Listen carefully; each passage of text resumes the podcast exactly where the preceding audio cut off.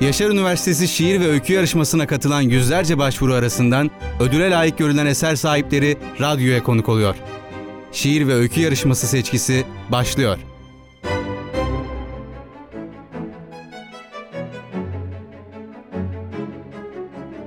Yaşar Üniversitesi Radyosu Radyo'dan tüm dinleyenlerimize merhaba. Geçtiğimiz Haziran ayındaki çevrim içi ödül töreniyle dereceye giren eser sahiplerinin ödüllendirildiği Yaşar Üniversitesi Şiir ve Öykü Yarışması'nın ödüle layık görülen eser sahiplerini daha yakından tanımak ve eserlerini kendi seslerinden dinlemek amacıyla hazırladığımız programda konuğum Geçmem Dişimden adlı şiiriyle birinci olan Yaşar Üniversitesi Hukuk Bölümü öğrencisi İlkim Sözer. İlkim hoş geldin. Hoş buldum. Çok teşekkür ederim beni ağırladığınız için. Ne demek biz çok teşekkür ederiz. Seni burada görmek bizleri sevindirdi. Öncelikle kazandığın başarı için seni tebrik ediyoruz. Sağ olun. Çok uzatmadan sorularımla başlayacağım. Birkaç sorum var ve bugün bu soruların cevaplarını senden duymak isteriz. Bu cevapları almak isteriz. Yazdığın metinlerin şiir olması bilinçli bir tercih mi? Kısmen diyebilirim bunun için. Ben esasında yazmaya öykü yazarak başladım Hmm. çünkü. Ee, ortaokulda bir öykü yarışması sayesinde başlamıştım. Ama üslubumun şiire biraz daha uygun olduğunu düşünüyorum. Yine de öyküyü çok seviyorum ve devam ediyorum öykü çalışmalarına da. Çok güzel. Başka türlerde de yazıyor musun? Yazıyorum. Ben bunun cevabını biliyorum ama dinleyenlerimiz için soruyorum. Yazıyorsun, öykü yazıyorsun Öykü galiba. yazıyorum. Ee, araya gireyim o zaman bir kez daha. Yeri gelmişken söyleyeyim senin aslında bu yarışmada şimdi birinciliğinden bahsediyoruz. Şiir kategorisindeki birinciliğinden bahsediyoruz ama aynı zamanda e, Acanım Bahçıvan Değilim Ben adlı şiirinle de bir beşinciliğin var değil mi? Beşinci oldun. Benim bundan haberim yoktu. Ben, onu bunu söyleyeyim. burada öğreniyorum. Evet orada bir beşinciliğin var. Aynı zamanda öykü kategorisinde de Pazartesi adlı öykünle de dördüncülüğün var. Böyle muazzam bir başarı söz konusu aslında. Ama biz ilk üçe giren eser sahiplerini ağırlıyoruz. Ama yeri gelmişken de bunu hatırlatmak istedim. Bunu da benden duymuş oldun Yani şimdi. ben de sizden duymuş oldum. Evet çok da mutlu oldum duyduğuma. Çünkü ben esasında gönderdiğim öyküyü pek beğenmemiştim dürüst olmak gerekirse. Biraz zor yazdığım bir dönemden geçiyordum. Ee, Acan'ın Bahçıvan değilim ben ilk şiirim esasında Ha, benim mi? lisede yazdığım. Biraz düzenleyip onu da göndermiştim. Esasında onun ben ilk üçe girmesini bekliyordum. O tabii ki her şekilde beni memnun etti. Evet demek ki e, geçmem dişimden e, jürimizi daha fazla etkilemiş. Tabii bu biraz da yorum işte herkesin yorumu farklı oluyor. E, yazarın yorumu daha farklı, düşüncesi daha farklı, başka değerlendirildiği durumlar Tabii. oluyor. Onlardan biri yaşanmış. Öykü de yazıyorsun. Kaç tane öykün var? Yani ben çok dağınık bir insanım o konuda. Yani kaybettiklerim var, bile vardır içinde emin olun. O yüzden tam olarak kaç tane Gerçekten. olduğunun sayısını bilmiyorum. Ee, ama şu an hani yeni bilgisayarımda hazır olan bir 10-15 öyküm var yine. Ne kadar güzel. Ee, uzun zamandır yazıyorum. Yani yaşıma göre uzun zamandır diyeyim. Çok uzun bir zaman değil. Ama o yüzden de işte biriktirmiş oldum gibi biraz arada. Şiir sayısını sorsam? Şiir, e, kullanılabilir şiirim. Yani esasında benim şiirlerim toplamda bir 40 falandır muhtemelen. Ki bu benim yaşımdaki insanlar için sanırım çok çok fazla bir sayı değil. Çünkü pek çok arkadaşımın benden çok daha fazla şiir var. Şiirle ilgilenen arkadaşlarımın. Ne kadar güzel. Ee, ama kullanılabilir şiirlerim bir 20-25 civarı. Bunları da bir dosya haline getirmeye çalışıyorum. Bu sıralar onunla uğraşıyorum. Şimdilik ilk etapta Şimdilik- dosya haline gelecek. Evet, Sonrası ilk projem bu. Yani sonrasında var mı bir kitap hayali? Yani hayalim var, bastırmak istiyorum. Tabii artık e, 18 yaşını geçtikten sonra yarışmalar sizden kitap istiyor. Okul yarışmaları Hmm. haricinde. Ya da kitap dosyası istiyor. E, Buna uygun bir çalışma ortaya koymak istiyorum. İşte arkadaşlarımla ve işte eski edebiyat öğretmenlerimle güvendiğim insanlarla beraber böyle bir e, çalışma içerisindeyim. Bakalım inşallah sonunda iyi olur.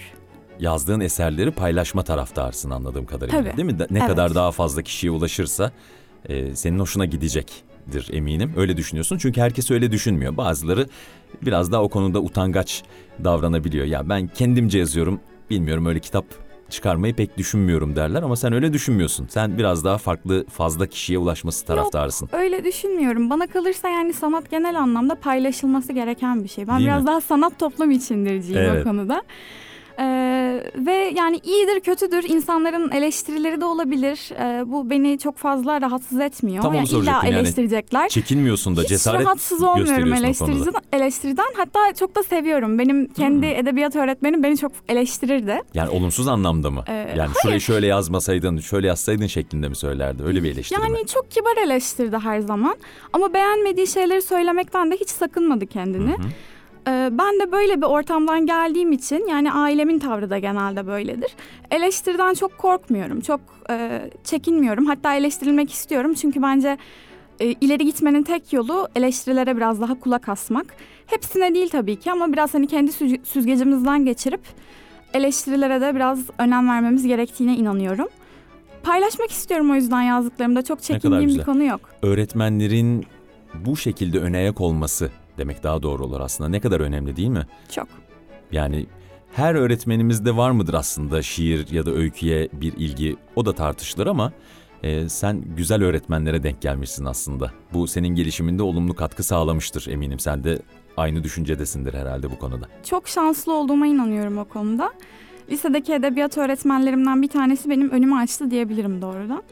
Ee, o olmasaydı belki de bu kadar bu kadar çok yazıyor olmayacaktım veya bir kitap çıkarma, ileride edebiyatla uğraşma gibi hayallerim olmayacaktı belki. Aynı zamanda ben ailemin de bu konuda bana çok katkısı olduğuna inanıyorum. Çünkü annem çok okuyan bir kadındır, çok iyi bir okurdur. Ve benim okuma alışkanlığı kazanmamda çok yardımcı oldu bana. Ne kadar Benim güzel. okuma alışkanlığımı annem kazandırdı. İlk adımı da bu esasında yazmaya başlamanın. Yeterince okursanız illa yazıyorsunuz. Ben hiç çok okuyup da hiç yazmayan birisiyle karşılaşmadım şimdiye kadar. Yani çocuk sahibi olan bizlere verebileceğin tavsiye çocuğunuza örnek olmak istiyorsanız mutlaka bol bol okumalısınız mı dersin? Derim evet. Çünkü çocuklar bir yandan da çocuğunuza kitap oku demek bir şey. Elinizde kitap okuyup e, elinizde kitap alıp okumak farklı bir şey. Çocuklar gördüklerini ta- Hı hı. taklit ediyorlar çünkü. E, Başta benim- biz de örnek olmalıyız değil mi Tabii, aslında? yani- Yaparak örnek olmalıyız. Yoksa sözle çok da önemli değil aslında tavsiyelerde bulunmak. Çocuklar için öyle işliyor durum biraz daha. O yüzden annemin yani bu konuda bana yaptığı katkı çok büyük gerçekten. Ne kadar güzel. Annene selamlarımızı iletelim. Ben de Ee, teşekkür ediyorum tekrar Böyle bir buradan. yazarla bizi tanıştırdığı için de e, teşekkürlerimizi buradan iletmiş olalım. Peki şiir konusuyla devam edersek, şimdi lisede şiir yazdığından ve edebiyat öğretmeninin seni yönlendirdiğinden bahsettin. Peki bu yazmaya geçme durumu, yazma eylemi lisede mi başladı, çok daha öncesi var mı acaba? Öykü yazmaya ortaokulda başlamıştım. Hmm, şöyle biraz öncelere gidelim biraz daha. Öykü yazmaya ortaokulda başlamıştım. Ee, esasında şu yüzden başladım. Ben Muzaffer İzgün'ün çocuk kitaplarını çok severdim küçükken. Hı hı. Ve İzmir Gazeteciler Cemiyeti'nin bir yarışmasında Muzaffer İzgün'ün jüri olduğunu gördüm. Şeyin de son günü, yarışmanın son günü. Çok heyecanlandım hemen. Hemen eve gidip bir şeyler yazdım ama hani amacım şuydu. Ben Muzaffer İzgü de benim öykümü okusun. Zeki Müren de bizi görecek Evet, mi tarzında bir durumda esasında. Ondan sonra oradan bir jüri özel ödülü aldım. Muzaffer İzgü'yle de tanışma fırsatı buldum. Beni çok mutlu etti. Ee, o öyküyü yazmak da çok keyifliydi. İşte yazarlarla bir araya gelmek de çok keyifliydi. Benim yaşımda ya da benden biraz daha büyük e, bu işle uğraşan insanları görmek çok keyifli bir gündü benim için. Ondan sonra lisede de yazmaya devam ettim. 10. sınıfta oradaki işte bana bu yolu açtığı dediğim edebiyat öğretmenimle tanışma fırsatım oldu. E, Cem hocamla. Ondan sonra Cem hocayla beraber yarışmalara hazırlanarak devam ettim. Hmm, kapı kapıyı açtı. Evet biraz öyle oldu. Ben aslında şu anda kendi sözümü geri almış olacağım bir nebze. Önceki haftalarda yarışmada dereceye giren eser sahiplerini ağırladığımız programlarda ben şunu söyledim ve şunu savundum. Bir yarışma duyurusunu gördükten sonra yarışma için bir şey yazıldığında o eserin çok da iyi olamayabileceğini söyledim ama şu anda sen o duyuruyu görüp Muzaffer İzgün'ün jüri olduğunu görüp o yarışmaya özel olarak bir şeyler yazılabileceğini aldığın ödülle kanıtlamışsın ve benim teorimi çürütmüş oldun aslında. Değil mi? Yani yoksa ben şeyi savunurdum. Hazır olmalı her zaman sonra yarışmaya gönderilmeli diyordum ama öyle olmaya da biliyormuş demek ki. İstenildiği zaman kelimeler dökülebiliyormuş Yani kalemden. benim bu konudaki görüşüm biraz daha karışık. Çünkü ben de sizin gibi şeye inanıyorum. Bir yarışma için veya çok özel bir amaç için yazılan yazılar kendi yazarından ve onun deneyimlerinden biraz daha kopuk olabiliyor Hı hı. bence de. Ama kimi zaman da yarışma için yazı yazmak sizi o yarışmada öne geçirebiliyor diye düşünüyorum. Ee, yani bir konu, bir eksen veriliyor kimilerinde ya da bazı yarışmalarda biliyorsunuz ki belirli bir tarzın içinde yazılması lazım. Böyle Evet. bir şey verilmemiş olsa bile. Ya da kimi zaman da işte bu Muzaffer İzgü mevzusunda olduğu gibi bir jüri ya da yarışmayla alakalı bir detay sizi motive edebiliyor. Motive ediyor. Ee, ama bence sizin görüşünüzde de büyük bir haklılık payı var bu noktada. Yani bunlar istisnalar diye düşünüyorum biraz Tamam daha. o zaman çok sevindim şu anda tamamen çürümediğine dair. Peki şiirlerinde hangi duyguların daha baskın olduğunu düşünüyorsun? Sanırım ben şiirlerimi kendimle konuşur gibi yazdığımı düşünüyorum pek çoğunu. O yüzden pek çok şiirimde de yani şimdi sanırım burada sadece geçmem dişimden de vardı o. Acanın bahçıvan değilim ben. Hı hı. Biraz daha aşk şiiri gibi bir şiirdi. Ee, ama genel anlamda hep böyle kendimi motive eder gibi belli bir duygu durumunun içinden kurtulmaya çalıştığım zamanlarda şiir yazıyorum. O yüzden biraz daha şiirlerimin ana teması umutmuş gibi geliyor bana. Hmm. Ee, ama bunu da çok kullandığımı düşünmeye başladım yakın zamanlarda. Biraz daha farklı alanlarda, farklı konular hakkında ya da farklı yapılarda şiirler yazmak istiyorum. Bunun için uğraşıyorum şu aralar. Ee, Çünkü bir konuyu çok fazla işlemek de bir süre sonra bayıyor diye düşünüyorum. Hem beni baydı hem de ileride belki okumasını istediğim insanları da bayabilir. Ne zaman şiir yazıyorsun? Bunun belli aralıkları var mı yoksa bu ilham dediğimiz durum gerçek mi? Ne zaman gelir bu ilham? Çok ara verdiğin zaman oluyor mu mesela şiirlerin arasında? Oluyor. Yani mesela ben e, liseden mezun olduktan sonra bir buçuk sene falan hiçbir şey yazamadım. E, çok ama benim için kötü geçen bir dönemdi. Benim için ya biraz daha üzgün olduğum bir dönemdi sanırım. Böyle bir depresyon döneminden Hı hı. çıktım. O ara çok şiir yazamadım. O dönem gelene kadar ben çok sık şiir yazıyordum, çok sık öykü yazıyordum, çok üretiyordum ve hep şey düşünüyordum. İlham diye bir şey yok. Ee, insan yazmak istediği zaman başına oturup yazabilir. Ama o ara anladım ki öyle değilmiş. Bazen de başına oturup yazamıyormuş insan. O yüzden şu an bu konuda tam olarak ne düşünmem gerekiyor, tam olarak ne denmeli ya da ilham nedir tam olarak bilmiyorum. Bütün yazdığın şiirleri şöyle göz önüne getirdiğin zaman, yazdığın zamanları daha doğrusu göz önüne getirdiğinde mutsuz olduğunda mı daha çok üretiyorsun, mutlu olduğunda mı? Yaz günü mü daha çok üretiyorsun, bir yağmurlu havada mı? Hangisi geçerlidir senin şiirlerinde? Yani duygu durumu olarak genel bir şey söyleyemiyorum. Çünkü sanırım orası çok karışık. Ama benim fark ettiğim bir durum genelde kışın şiir yazdım. Hı. Ee, yazın yazdığım şiirler yazsam da güzel olmuyor sanki. Kışın daha çok etkisi var gibi geliyor bana. Biraz duygu yoğunluğunu artırması bakımından. Sanki ben de öyle düşünüyorum. Ama yani bu işlerde de çok yeniyim. Bakalım ileride ne düşüneceğim bu konuda. Belki de düşündüğüm gibi değildir aslında. Başka bir motiv vardır arkasında. Onu da ileride görmüş olacağız hep beraber. Şiirlerinde biçimin mi yoksa içeriğin mi daha ön planda olduğunu düşünüyorsun ya da daha önemli olduğunu düşünüyorsun? Yani bir kurallara bağlı ba- kalmak önemli midir senin için? Uyak düzenine dikkat etmek, ölçülere dikkat etmek yoksa hayır ben bunlara karşıyım. Daha serbest yazımı savunuyorum. İçerik bence çok daha önemlidir mi dersin? İçeriğin daha önemli olduğunu düşünüyorum ama kendi şiirimde ve okumayı sevdiğim şiir tarzında beni en çok çeken, en çok etkileyen şey fonetik. Ee, çok katı bir uyak düzeni olması gerekmiyor ama mutlaka içerisindeki seslerin birbiriyle uyumlu olmasını istiyorum. Ee, sert bir duygudan bahsediyorsam sert ünsüzleri kullanmayı daha çok seviyorum. Mesela fısıltı diyorsam FS harflerini kullanmayı daha çok seviyorum. Genel bir müzikalite olması gerektiğine inanıyorum şiirde. O zaman bir şiir yazarlarına tavsiye olarak da bunu e, şiir yazmadan önce gramere, Türk diline, Türk dil bilgisine de hakim olmak gerektiğinin önemli olduğunu söylüyorsun öyle mi? Yani kimseye öğüt vermek benim haddime değil bence. Ama, burada ben... şu anda Yaşar Üniversitesi Şiir ve Öykü Yarışması'nın birincisiyle konuşuyoruz. O yüzden bence bence bunları hak ediyorsun. Estağfurullah ama yani ona gerçekten inanıyorum. Bence her yazı için hani deneme de yazıyorsanız, öykü de yazıyorsanız tabii ki öncelikle Türkçe'ye hakim olmak gerekiyor. Türkçeyi biraz da sevmek gerekiyor diye düşünüyorum. Çünkü hani kelime oyunu yapabilmek için, dille oynayabilmek için biraz da Bilgi dili gerekiyor. sevmek Ya gerekiyor. çala kalemde yazılmamalı aslında biraz da. Evet. Yani yazmak için yazmamalıyız aslında. evet, Örnek olmalıyız her davranışımızla örnek olduğumuz gibi. Değil mi? Buradaki eserlerle de okuyanlara örnek olmalıyız aslında. Onları şöyle bir tutup yukarı doğru çekmek bizim gayemiz olmalı. Evet ben de buna inanıyorum. O zaman Edebiyat konusunda. hemfikir olduk bu konuda. Çok teşekkür ederim. Seni yazmaya teşvik edecek e, yer neresidir aslında? Yani kütüphanede mi yazılmalı, evin bir sessiz odasında mı yoksa bir müzik dinlerken mi daha çok yazıyorsun? Etrafımızın durumunu özetlemeni istiyorum senden. Dinlediğim müzikten çok beslendiğimi düşünüyorum. Hı. Ee, ama benim en çok şiir yazdığım yerler sanırım kafeler. O da bence liseden kalan bir alışkanlık. Çünkü lisede işte benim şiirle ilgilenen farklı arkadaşlarım da vardı. Çıkıyorduk bir kafede oturuyorduk, yazdıklarımızı birbirimize okuyorduk, birbirimizi eleştiriyorduk ve beni gerçekten çok besledi o dönem. Oradan kalan bir alışkanlık olarak ben böyle kahve içerken ya da işte müzik dinlerken dışarıda bir yerde otururken şiir yazmaktan keyif alıyorum. Ee, böyle çok katı bir şey değil. Hani sadece kahve içerken şiir yazabilirim gibi bir durumda değil. Her yerde yazılır diye düşünüyorum ama özellikle seviyorum bunu. Peki kafede yalnız mısın o sırada? Yalnız kendi mi yazıyorsundur? Arkadaşlarınla sohbet Yalnızken, ederken değil mi? yalnızken o konuda tabii. da biraz zor olur yaz- Yalnızken. yazmak. Ama ne kadar şanslısın. Sadece aileden bir şans da söz konusu değil. Hem öğretmenlerinden yana şanslısın hem de arkadaşlarından yana şanslıymışsın. Yani çevrende e, şiirle uğraşan çok arkadaşım varmış ki içlerinde en az şiir sayısına neredeyse sahip olan benim dedin. Bu herkesin başına denk gelmez böyle bir şey. E, güzel bir çevrede yetişmişsin diyebiliriz aslında bu konuda. Ben de öyle düşünüyorum. Arkadaşlarım konusunda inanılmaz derecede şanslıydım.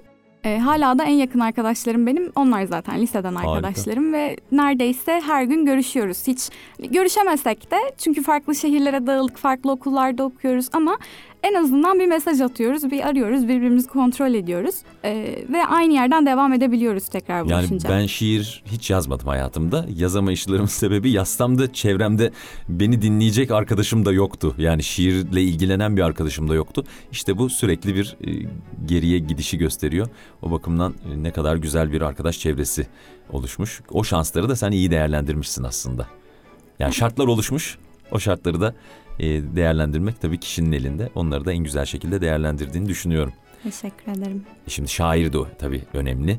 Başka şiirler de önemli. Sevdiğin şairleri bizle paylaşmak ister misin? Kimlerden beslenir Tabii. ilkim? Ee, ben şiir okumaya ilk başladığımda ikinci yeniyi çok seviyordum. Hı hı. Ee, ve Ece Ayhan şiirlerini çok seviyordum özellikle de. Genelde insanlar Ece Ayhan deyince bir duruyorlar. Yani anlıyor musun gerçekten şiirlerini Ece Ayhan'ın diye. Ama ben anlamam gerektiğini de düşünmüyorum. Çünkü o benim için bir anlam ifade ediyor. Belki Ece Ayhan için aynı anlamı ifade etmiyordur. Ama bana hissettirdiği şeyler benim için kıymetli ve çok seviyorum. Film için de öyle denir ya bir film bir Tabii. kere yapılır ama bin kere okunur derler. Ee, Aslında aynı şey şiir için de geçerli. Herkesin farklı okuyuşu vardır, farklı yorumu vardır. Ben de sana destek veriyorum bu konuda. Didem Madık'ın şiirlerini beğeniyorum Hı hı. onun dışında. Haydar Ergülen'i takip ediyorum. Onun şiirlerini beğeniyorum. Yine güncel şairlerden daha Kemal Varol'u beğeniyorum. Ee, onun haricinde Firu Ferruhzad'ı seviyorum. Çeviri okuduklarımın içerisinden. Ee, ayrıca e, Guillaume Apollinaire şiirlerini de çok beğeniyorum. Bir Fransız şair. Çok genelde insanların duyduğu bir şair olmuyor. Şimdiye kadar ki benim deneyimim bu yönde ama çevirisini bulurlarsa ben okumalarını tavsiye ederim herkese. İmza günleri yapılıyor. Çeşitli kitap marketlerde sürekli karşımıza çıkıyor. Ya da kitap fuarları. Çok çok önemli yerler. Buralara bir ziyaretler söz konusu mu? Takip ettiğin şairlerin imzalarını almak gibi, onların peşinden koşmak gibi bir durum yaşandı mı şimdiye kadar? Maalesef şairlerin imzasını alamadım çünkü hiç denk getiremedim. Hı hı. Ee, ama kitap fuarını her sene ziyaret ediyorum. Onun haricinde İzmir'de biz kitapçı açısından şanslı olduğumuza inanıyorum. Çünkü böyle biraz daha butik ve sürekli imza Kesinlikle. günleri yapan, etkinlikler düzenleyen kitapçılar var. Onların etkinliklerini biraz daha takip etmeye çalışıyorum. Alışveriş yaparken oralardan alışveriş yapmaya çalışıyorum. Umarım sevdiğim şairlerin imzalarını da bu sene alabilirim. Pandemiye hazır biraz İnşallah. daha hız kesmişken. Şimdi senin arkadaşlarını tenzih ederek söylüyorum. Onları biraz dışarıda bırakalım. Günümüz gençlerinin yani senin yaşıtlarının şiire bakışını nasıl değerlendirirsin? Bu konuda çok objektif bir yorum yapabilir miyim bilmiyorum. Çünkü benim yakın arkadaşlarımın çoğu zaten şiirle ilgileniyor. Evet yani yakın arkadaşların dışında şöyle biraz daha dışarıdan genel bir gözle bakarsan sosyal medya kullanan yaşıtlarını düşün. Genel Onlar açısından şöyle bir düşünüyorum. ifadeyle. Şiirle ilgilenen insanların günümüzde... Azınlık bir grupta mısın? Azınlık mısınız şiirle ilgilenenler olarak? Yoksa gençlerin çoğu daha hızlı tüketilen videoları izleyerek vakit geçiriyorlar. Şiire yeteri kadar önem verilmiyor mu diyorsun? Yani bence şiire yeteri kadar önem verilmiyor ama ben hani görsellikten çok başka bir noktaya dikkat çekmek istiyorum. Günümüz şiirinin biraz daha alıntılanabilir şiire evrilmeye başladığını düşünüyorum ben. Yani şiirle o? ilgilenen kesimde bile biraz daha işte sosyal medyada paylaşılabilir bir iki dize olmasının bir şiiri iyi saymaya yetebileceği bir noktaya yöneldiğimizi düşünüyorum. Ve bu beni biraz rahatsız, Rahatsız ediyor ediyor. Ee, ben buna inanmıyorum çünkü şiirin bir bütünlük içerisinde olması gerektiğini düşünüyorum. Oradan hemen iki satır alınca Evet. Bunu İş orada güzel olmuyor aslında. işte çok beğenmiyorum bu tarzı Ee, ama bu hani benim çok bu şiirleri yazan insanları suçladığım bir durum da değil. Çünkü çoğunlukla bununla karşılaştığımda esasında mesela anlamı çok farklı bir şiirin iki dizesi şiirden koparılmış farklı bir bağlamda sunulmuş oluyor. Evet.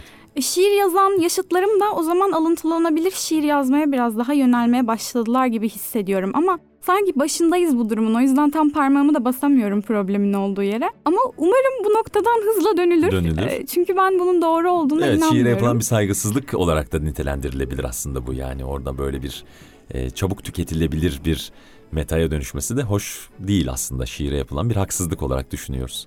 Ben de öyle düşünüyorum. Peki şiir yazarken bittiğini nasıl anlıyorsun? Bazen aklıma ilk önce şiirin sonu geliyor. O zaman kafamda aşağı yukarı uzunluğunu tartmış oluyorum. Yani bu kısa bir şiir olacak ya da bu uzun bir şiir olacak.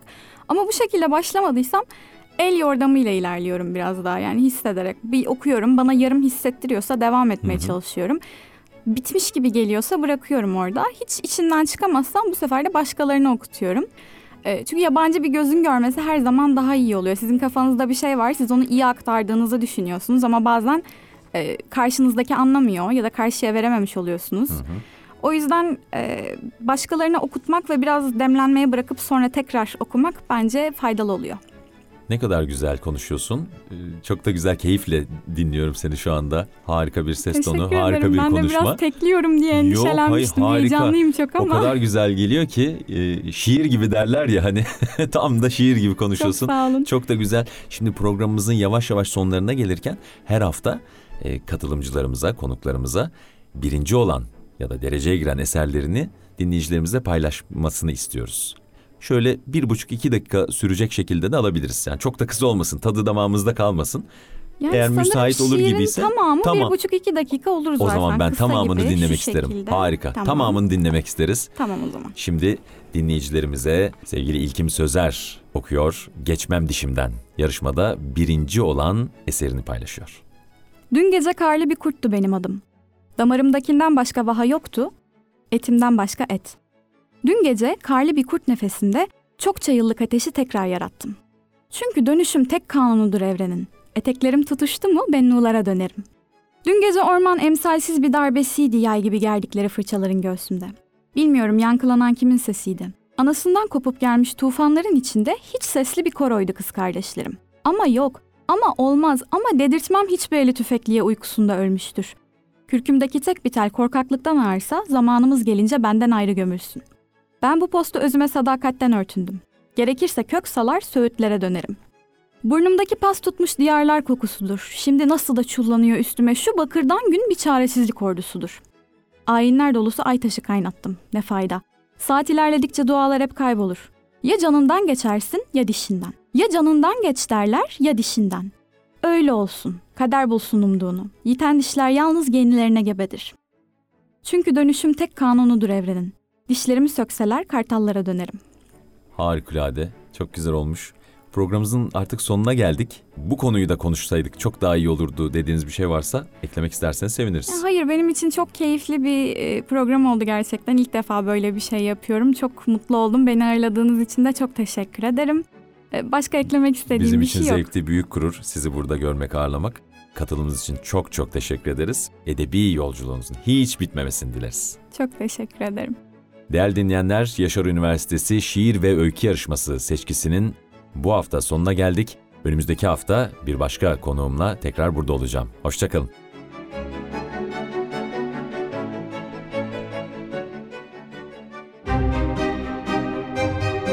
Şiir ve öykü yarışması seçkisi sona erdi.